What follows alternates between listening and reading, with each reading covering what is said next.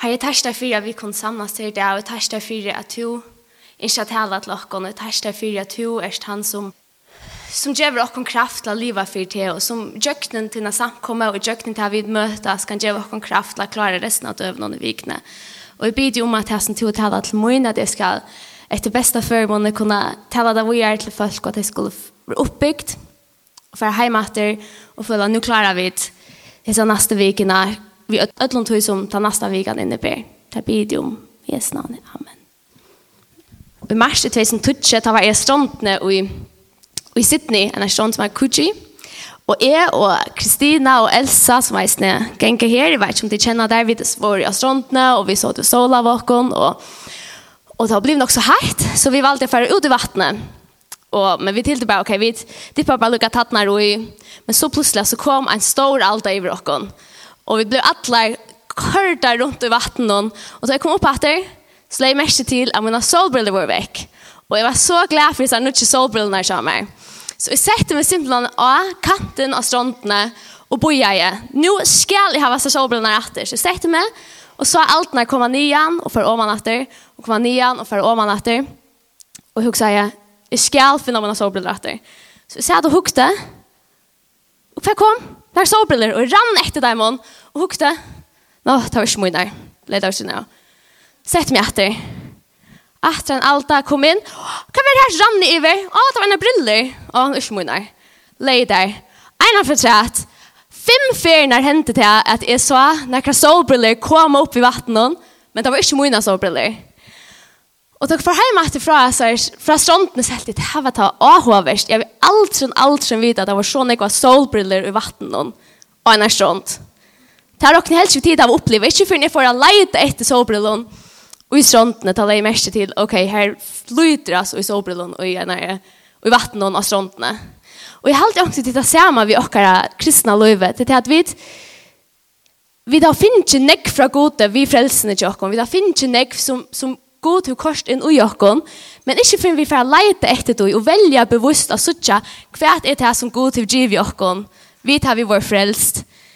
Hva er det som vi har finnet, ikke for vi får leite etter det og finner vi det av hva det virkelig er. Og jeg har alltid til verst å leite etter hva det er som god til giv i okkon. Og senest så har vi lise, lyse nekve i apostlesøvnet, Um, og det har vi ofte gjort før, men jeg har alltid hese for det ordentlige slige med nekka vi apostlasøvne, som, som jeg har alltid virkelig avhåverst.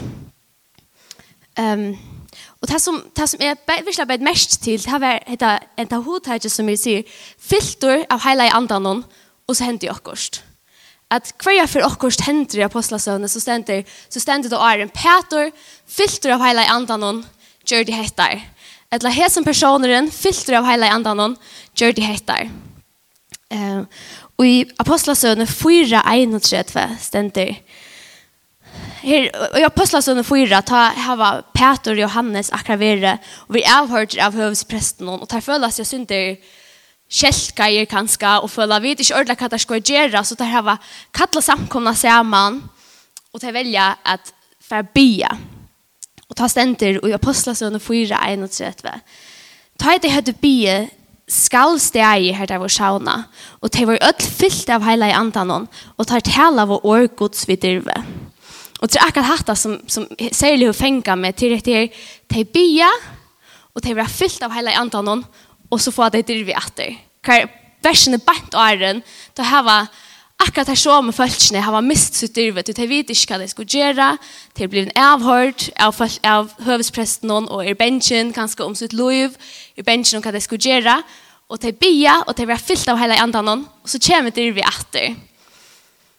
Ja, så i døgnet jeg leser Apostelsønene, så var det særlig en søva som virkelig fengt meg, og da vet jeg at det gjør hun ikke om folk, og det var søvan om Stefanos, og I Apostlesøvne 6 ber vi å lese om andre, lese om analysen til Arjen. Og jeg får lese noen vers her i Apostlesøvne 6, 8-11. Stefanus var fotler av nøy og kraft, og gjør det under og står tekjen mittlom følelse. Ta stod jo fram nekker synagogene som, som kattler er etter henne frugivne og og etter månen ur Kyrene og Alexandria. Som leis nekker av teimen i Kilikia og Asia, og takk tar tjekka oss vid Stefanos. Men tar var ikke før for jeg standa mot visdomen og andan og han tala i av. Ta finket her etter løgneligere avgjør nekker mennene sier vi tar var hørst han tala spottande år mot Moses og mot gode. Og at han heter så verer Stefanos, han verer sette for Raje og Jerusalem, og og vi avhørter og tar føra livvittne fram om han, om at han har tala spottant i måte, i måte Moses og i måte gode. Og, og, og i versen at han altså fører Stefanus fram en tale om hvor han tror det som han tror. Og han vil så dripen for sin at skik og bant åren han vil steina over. Så leser vi i apostlasøvne 6, 5-6-6. Men han var fotler av heila i andan och hukte alla tøyna upp till himmels. Och han sa dord Guds och Jesus standa vid høyre hånd Guds. Han säger, nu sutt i er öppnar och menneskestånden standa vid høyre hånd Guds. Och så steina der han och ta lesa vid i vers trus, Och han fall av knä och røpte harst. Herre, let här ikke gjalda för hessa synd, ta i han hetta hei sagt, såna igen. Och i versen som vi har läst så tror vi hvordan Stefanos er stendt att Stefanos var fotler av hele andan och så så tjär vi kvart ursligt jag tog er att han var fotler av hele andan. Och för jag nämner några att han tänker någon så tror vi att han er en fotla visse om kvärt av han tror, och hva han troe då. Att han vil sette frem han för raje och ta spyrjan kvärt hva vad er det då lærer. Og i djøkna en heilan kapittel kan vi lese om hvordan han har 100% en avisje om hva er tryggve du som er tryggve, og han kan forklare deg om det, 100%, hatt det som er tryggve, og hette tog er tryggve du. Og så synes jeg vidt så synes jeg vidt i versen at han var, at i djøkna en i andan, så var det hans eneste fokus til å være Jesus, at han stender her, sekunder og åren han skal dødja, Och till tar vi läser sig versene som jag kan läsa. Bant åren han vil til Steina och han vet att han för att dødja. Han är inte bensjen om om det som för at hända, men att ta stender att han sa att gods, og och Jesus standa vid høyre hans gods, och han säger när suche himlarna öppnar och människosonen standa vid høyre hans gods. Att han var han har gjerne fått la visse om om kvanta var han döje og och det var att han har valt att leva fyra och han var visser i att at det var verst at dødja fire. Og så sykja vi til endans at, at han var mentir av fire djeva taimon som, som gjør det etter måterånen. At han visste, nå færger jeg dødja, men jeg vil fire djeva taimon da, og er denne dødja. Heter alle ting som vi til okken sjolvån, til er ånden chanser at vi konstanta, sekund åren vi dødja, og her var en sårna visse utan at vi er fyllt av hele i andan. Ehm så tog hugsa i, tog har vi hugsa nek för mig att hota inte fotler av heila i andan hon. Og kva er ta mesjer. Altså kva mesjer till at vera fotler av heila i andan hon. Ehm og Og i Bibelen så vil Hela Anden beskriva på mat matar til onkestan den da Hela Anden är en, som en dikva onkestan vil beskriva over som vinteren vi suttjer ikke hver han fer men vi suttjer avskanna av det som hjelper den til åkken, som vedleier den til åkken. Men et som jeg har helt i rettelig avhåverst, som, som jeg har lært om hva det hele anden er, Da leser vi om ta ta hela anden av fisten tog vi given till til fältje till till sikvande. Och vi på pletoing. Ta är det rettelig viktigt eller da är det rettelig spännande att läsa om ta i akkurst vi presentera fyrste. Du tar vi det beskriva på en måte hver, ok, nå forklarer, forklarer høvendren hva er dette for noe, hva er dette for noe som vi er givet til folk, eller hva er dette for et hotek. Og vi sier jo i Apostlesønne 1-4 først, at Jesus han lover at Bant og en Jesus for opplevma, så stendte det. Men han og vær skjermen med Taivon, gav han Taivon på at han skulle ikke fjerde ur Jerusalem, Jerusalem men boi etter tog som fjerde enn hei som tid, sier han, hava hørt med tale om. Og i vers 8 stender, men tid skulle få kraft, ta i hele anden kjemmer i vitikken, og tid skulle være vittne mine. Så heter det som, det som tar vi komma til vers 2, som er så ferdig å lese ur, heter det som tar boje etter. Til sida, og Jesus har fortalt dem om, Vær jo i Jerusalem, inntil det som fjæren har lovat kommer, og inntil få til kraftene som jeg har lovat ikkon så får jeg lese i Apostlasøvne 2.1. Ta i nu kvitt som det vi kom, hvor de ødel kom sammen og egnom sted. Ta kom knapplige jo av himmelen, som ta i overfører storm og brester av. Ta fyllt i alt huset som de så du i. Tunker, ens av elde, vuste seg fyrt heimån, og ta skilte seg sunter og settes av kvørst eit herre. Og de var i ødel fyllt av hele andanon, og for at hele ånder tungomål alt ettersom anden gav teimene sida. Da vi leser etter det, så, så begynner Lukas som er skrivaren avvisner, så begynner han aller først ved sida, ta i noe kvitt som det der kom. Og for åkken som sikkvante, så sa vi kvitt som det der, ja, lik vi hele anden kom. Men åren til til de falskene som heter skrivet til, ta vekk kvitt som det der langt og en høytøy. Fire gjøter, Så er kvidesona, eller det som navnet kvidesona, etla Pentecost, som det er enskund, kommer fra det griske årene, av hese høgtøyene som jødene langt og høtte som eiter Shabbat, som er vik og høgtøyene tar vi lesa det i Gamla Testamentet. Og tar vi lesa Biblina og sutja til at en særlig dæver vi nevnder, så er det tror jeg at disse dæveren har en tuttning for hva er det som hender, at okkurs hender og en særlig om det er, så er det tror jeg at det er en lantje i middelen det högtuna som någon går vär och det högtuna som så kommer bort ur till det någon som som tar som så hände och i Heson tillfället någon. Så att tar vi läsa Bibeln så må vi läsa den som en halt. Att Gamla testamentet är skriva för att vi ska kunna skilja Nya testamentet och Nya testamentet är skriva just någon av Gamla testamentet. Så hentan Shavat vik och høgtøyen vil presentera i er Mosebok, Och ta er det en høgtøy som hver til fejra det första avgröjna att de fejra att god ut han som ger dem en avgröj men en annan ett annat som de eisne fejra hentan dagen till att god gav dem låna att de att de minnas att Moses får upp av fjallet av sina i fjall och fick de tutsi bojene och god kom ner i elde och gav dem bojene och jag hade nog så ahavärst gosse eisne sammanhenger i mittlen det som hendte til tak med god eisne nyr i elde og gav dem bojene og vi sitter her og i kvidesundene som vi minnast, at ta kom god eisne nyr i elde, og gav dem om, så ikke bøyene, men han gav dem nekka anna. Et døm jo på hvordan vi kan skilje etter er, til at da vi leser Gamla Testamentet som tryggvande, og vi sutser okkurs om postene, så hukser vi automatisk påskalampe, lik vi Jesus. Vi hukser postjer i Gamla Testamentet, ok, så setter vi da beina veien i samband vi tar Jesus då i krossen. Og jeg halte at det er flere andre ting i Bibelen som eisen heva sammenhenger i middelen, men vi kan ikke alltid skilja der.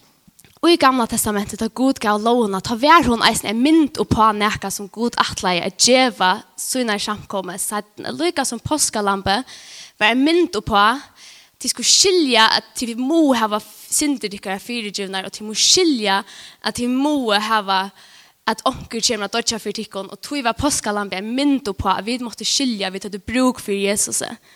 Og på samme måte så gav Gud og lovene for at jeg skulle skilja at fyrir livet nær som jeg er, så må jeg hjelpe tikkun. Til tid kunne ikke gjøre det i tikkun sjolve, tid kunne ikke livet sjolve og livet tatt av mer samståndes. Og loven er på samme måte en mynd på noe som god yngste er djeva samkomne for at samkomne skulle kunne leve for han. Og Jeremias 31-33 leser vi. Nei, hette er sottmalen jeg skal gjøre vi hos Israels, etter tardianer, sier Herren. Jeg skal lette lov mine og synne tarra, og skriva henne og hjertet tarra. Jeg skal være god tarra, og de skal være folk mot. God lovar oss folk at han ein det. De visste, vi do ikke halde seg lovene. De visste, God ikke vi skulle fyra liva for god, så må vi halda lovene, men vi klarar det ikke. Och og ofta så så vi til Jesus kom att att han rönte allt vad det kunde att sätta nutcha lower upp och sätta allt mulig upp men det er fullständigt miskilt til att god ingste att att ikke att det skulle være en utvarstes lov som de skulle halta halta halta men att han en dag skulle komma och lette lovene av och ekna hjärsta och sätta lovene i sinne och för vet inte framvis skulle synda mot honom. Ta vi suttja postnar i gamla testamentet, så suttja vi gosse god fruja i Israelsfolk ut ur Egyptalandet, og at han at han er fruja deg. At god han yngste er folk som kunde leva for han, så han fruja i deg. Han ville ikke hava at de skulle være trealer så nøkron, han ville ikke hava at de skulle være bonden til neka, og han sette deg fri. Og på samme måte så sette god okkom fri via Jesus døya krossen. Og i gamla testamentet så sutja vi at han at de blir sett fri så gjør han dem og lovene, som en av nøye gave til følelsene jeg sier. Nå tar de dere fri og kunne tjene mer, så gjør vi dere lovene for at de skal kunne skilja hva det er å tjene mer, for at de skal kunne vite hvordan tjene er så gode. Og i under testamentet ser til god dere fri, og gjør dere hele andan, for at vi skal kunne skilja hvordan tjene er så gode. Vi er vært fri, og vi er vært frals. Hvordan kan jeg leve for god? Og jeg er så nødt sagt man har god sett okkara. Jeg fikk stegen for å gjøre okkon en lov som er skriva av talver, som er skriva lovene inne okkara hjärsta. Vi at seta hela i andan. Vi at gjøre okkon hele andan inne hjärsta. Så har han sett lovene, for jeg vet i djøkkenen at hele andan bor i okkon skal vite hvordan livet vi så fyrer god. Vi sier jo i Rombraunen 8, 1, 6, hvordan Paulus forklarer dette fire timen där han sier, så er nu ønsken fordøming for deg som i Kristi Jesus sier det. Til lov livsens anta, hever Kristi Jesus löst med från og deg hans. At den loven som Gud ikke ska skriva inn i våra hjärsta vi har skrivat ut djöknen sin anda vil sett at dere fri fra å være nødt til å synda og fri fra at fri fra dere synd. Det som loven ikke var ment å gjøre, vidt at hun var måttleis av holden hon. Ta gjør det jo god, ta han sendte sånn lykke han sint hun holde, og fire sint, og domfølte sintene i holden hon. Fyrir at det som loven kravde skulle være fullgjørst i åkken, som ikke lever etter holden hon, men etter andan hon. Til de som etter holden hon er det, tro etter tog som av holden hon er. Men de som etter andan hon er det, tro etter noen andalige. Og troan holsens er deie, men tro han andans er lov og frigjør. Troan holsens er fortjenskaper mot det gode. Det gjør seg jo ikke under lovgods og kan heller ikke gjøre det. Og de som i holden er det, kunne ikke toknes gode. Ta tid er jo ikke av holden hon, men av andan hon. Så satt som andre gods bor i tikkene Loven var måttleis av frelse okkom fra okkara synd, men hon var best ein veik mynd oppa det som skulle komme.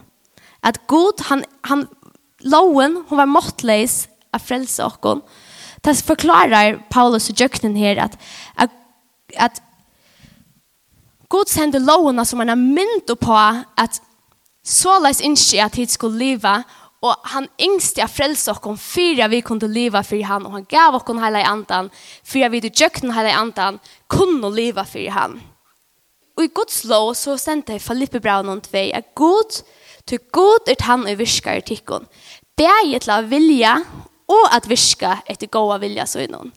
At Gud har bäge viska i okkon viljan og han har virket i okkon evnene til, til at virka ut og til at leva etter andan Er det ikke fantastisk at, at hvis vi bare lever nær til gode, og hvis vi bare utjøkken alle biblene, så, så, så, så forklarer Gud, så hever Gud en åpenbering av Jeg ønsker å leve sammen med tikkene, og jeg ønsker å lære tikkene hvordan de kunne gjøre det, og jeg ønsker å hjelpe tikkene å gjøre det, og jeg ønsker å gjøre tikkene kraft til å gjøre det, og jeg ønsker å gjøre tikkene evnene til å gjøre det, men allikevel ganger vi det ofte her og strøyast og strevast, för jag röjna tokna skode och där finner vi omgastan i bibeln att vi skulle tokna skode i jöknen och våra versk.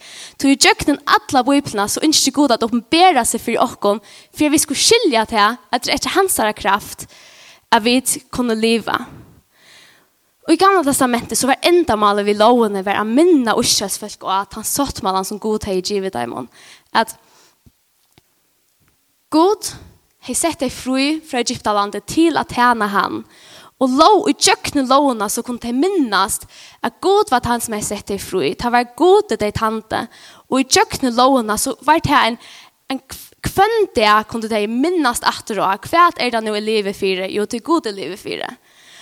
Og på samme måte så har god sett oss fru og i tjøkkenen hele andan så minnast vi hva er det livet for og hva er det livet og hvordan kan jeg gjøre det til jøkken hele andan vi kunde leva til andalige livet. Och utan, på samma måte som i gamla testamentet, hvis de inte levde etter lovene, så var det omöjligt att leva för Gud. Tog at loven, loven var det som visste dem om hvordan man lever, ett, lever för Gud. Och på samma måte är det ikke åkken omöjligt att leva för Gud hvis vi inte gör det efter andan. Någon. Vi sitter i Hebrea braun om 12, 23. Tu vi einon offri hever han vi atla just tei fullkommen som halga vera. Ta vittnar eisni heila i anden fyrir okkon. Tu etter at han hever sagt, Hett er sottmalen jeg skal gjøre ved tei etter tar dier, sier Herren. Jeg skal letja lover munar og gjørst og tarra, og jeg skal skriva til her og sinne tarra, og synder tarra og lovbrot tarra skal jeg ikke minnast atter. Men her som fyrirgjøving er fyrir tei er ikke langer offer fyrir synd. Vi tar at vi nå prøver, og i blåe Jesus er, har vært dirve for inn i helsedomen, som har vukt i okkon nutjan og levande ved til kjøkken og forhenge, til er holdt hans herre. Og vi tar at vi til var ståran prest iver huset gods, så let de okkon støya fram vid sånn og njørstånd, og fotlare troar så, vi gjørstånd og rensa er og av rinkar samvisko, og likamon, og troa er og tvåa er vi regn om vattnet. Lät okkon halta og virkeliga fast vi jotting vånar okkara, ty han er trofastor som lyfter gav. Jeg halte at disse versene beskriver så utrolig vel akkurat det som vi sitter i løvnen til Stefanos tar vi, tar vi les om han. At han var fotler av heila i andan og, og som jeg skal lese hese, og i brevbraun så citera deg etter tidligere Jeremias om hvordan god ikke skriva lovene inn av herre hjerte, og hele anden og djøknen til vittnar om Jesus og det som han gjør det for oss, og i djøknen til så kan man ikke annan liva livet for ham.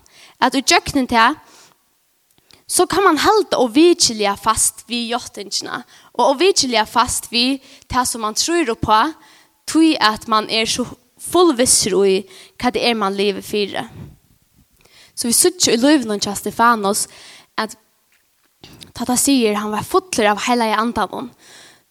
Så, så viser det etter å at han i djøkken hele andan henne fotla og virkelig visse om at han levde for Jesus og det gjør han, og det gjør han lykke mye kvært kom i måte og Og lykka meg ikke hver spurte han, og lykka meg ikke hver det var som ville hava han av livet på en annan måte, så visste han, hette det her livet fire, og, og til det. Så måtte hente det som hente vil. Og vi synes ikke hvordan han, hvordan han i djøkken hele andan, fikk en, fikk en mynd av hva er det så det som hva betyr det så av livet for Jesus. Og han, og hele anden visste honom hvordan Hvordan kan jeg forklare for hinnom hva det er i livet for? Og eisene til endans, som jeg nevnte i åren, så var han så klarer han langt og fire djeva taimon som hette som akkurat var i ferie, vi har synd i måter honom tog at hele anden gav honom kraft til at liva fire seg og til å være et vittne her som han var. Og at han var ta søste møleitjen han heia ved vittne her og gjør og han brukte det Ta i hugsi om okkon og okkara daglig det her i fyrjon hattla hver vi dere. Og hugsa om, kan man si om okkon, hattla fyllt av hela andan for i skola og gjør de hettar. Kan man si om tikkon, hesen hesen personen fyllt av hela andan, for til arbeids og være et vittne for følelsene av arbeidsplassen. Visste hva de troe, og rønte ikke at pressa nækka, rønte ikke at strøyast og strevast, Men kvann det jeg visste, hva er, hva er det jeg lever for, hva er det jeg trykker på, Og kvann det jeg visste, jeg lever for Jesus, så de tingene som kommer, de gjør jeg for Jesus. At de, de som hender i arbeidsstenen i det, de hender, og måtte svære på det, for å være, jeg synes Jesus, jeg synes han standa for tronen gods. jeg synes at jeg er en del jeg skal frem her, og til det som er mitt mål. Mitt mål er ikke, jeg skal være større, så jeg gjør det som jeg vil for jeg blir større, eller jeg skal være han som, som får jeg akkurat han den chansen av arbeidsplassen, så jeg gjør alt det jeg kan for jeg får det. Du tar hjemme mist målet for jeg, og til det som hele anden viser dere. Hva er målet til dere i livet, og hvordan lever vi dette til målet noen? Jeg husker jo meg selv at jeg er ferdig. Nå kan jeg ikke av universitet i Danmark. Og omkring kan det godt være ringt. Jeg kommer her og man hører alt mulig. Alla mulige teorier om hva er vi så som vi er, hva lever vi, hva er vi över leva görna. Alle sånne store spurningar og man kan begynne i vast. ok, Okay, passar hattar, men til her jeg skal kvinn morgen, och är ni för skola. Långt har vært sammen samman vid gode och långt har vært fyllt av hele andan om tandmorgonen. Så så det har vi för eja kat är det ett skikve och hur ett skikve till och hur kan jag så leva till ut i min dagliga dag. Och ta kämra flott ut till som vi till som vi har fyllt och kom vi. Till visst vi det fyllt av hela ändan så är det isne hansar och avväxter som kommer ut i våra liv. Och Och till det som till det som vi då insta, ta som skikvande så insta vi till men och du så så känner jeg i alla fall av meg selv at jo, jeg ønsker å leve for god, no, så, så må jeg nesten presse det ut. Altså presse til at jeg, ok, jeg må ikke gjøre dette her, så, så, så blir det en stress over mat jeg vil være tryggvandig på. Men det er ikke at vi er i maten som god til yngste vi skal leve på. Maten god ønsker vi skal leve for han på er å være fyllt av hele andre noen, og at livet tar ut. Det som, det som jeg leser åren i vers Ja, og Filippe braun om 2, 13 kan det stå. Ty god er han i virkar i tikkun. God er han i virkar i okkon. Kvann morgon så er god er han i virkar i okkon. Bæg at vilja, han gjør okkon, bæg til at vilja og at virka etter goa vilja så innom.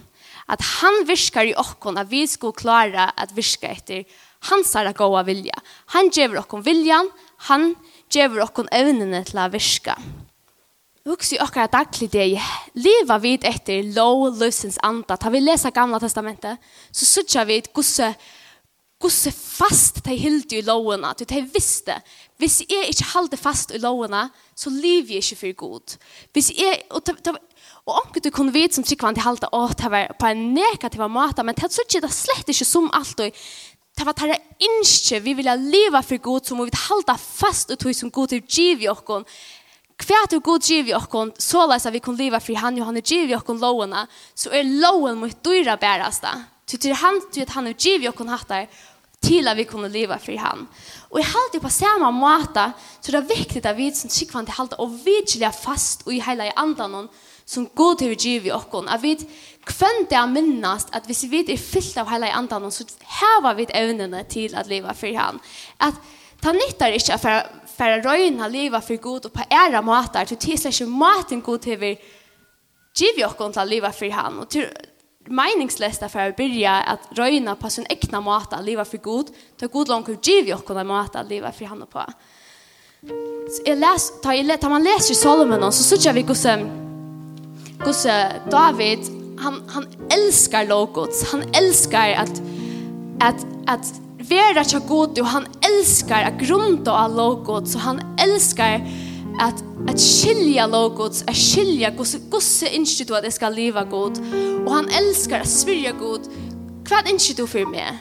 Og les, hvis vi leser i Salmi 119, så sykja vi gosse, gosse, da har vi skriver en salm om gosse nek han elskar lovgods, Og jeg leser jøkken av Solomon og sier, hva er det hent hvis jeg lukker? Og i stedet for å skrive lovgod, skrive anda gods inn i her. Elskar vi anda gods lukkanek som David elskar i lovgods. At heter så bara min ekna version av det kan stända kjæler te för jag leier och lastande. Te och liv etter lov lustens anda. Särler te och liv efter hans hansara. Te och söker han av öllon hjärta så i någon og som ikke gjør året, men genga av vevon hansara. Tu hever givi anda to inn, for at jeg skal letja for at ein skal letja seg eina vi at halda seg til han. Og høttu vei munner veri faster, så jeg helt med tatt til toin. Ta skulde jeg ikkje veri til skammar, ta jeg fylltest av heila i anda toinon. Jeg skal takka til her av sånn og hjärsta, ta jeg lærer andan å kjenne. Andans rattlæring skal jeg halda, vend mer ta ikke bætje. Hvordan skal en unge halda vesen regnan, vi at halda seg til andatoin. Av ødlån hjertet min og søkje til, let meg ikke vittlas borster fra andatoin. Jeg går med år tøyt og hjertet noen, for jeg skal ikke synda måte til her. Lova vår være to herre, Lær meg heila i andans lover a kjenna. Jeg kunngjør vi vørron atlar lover lufsens anda. Iver ve vittnesbora tøyna gledist er som iver alt rujtje døme.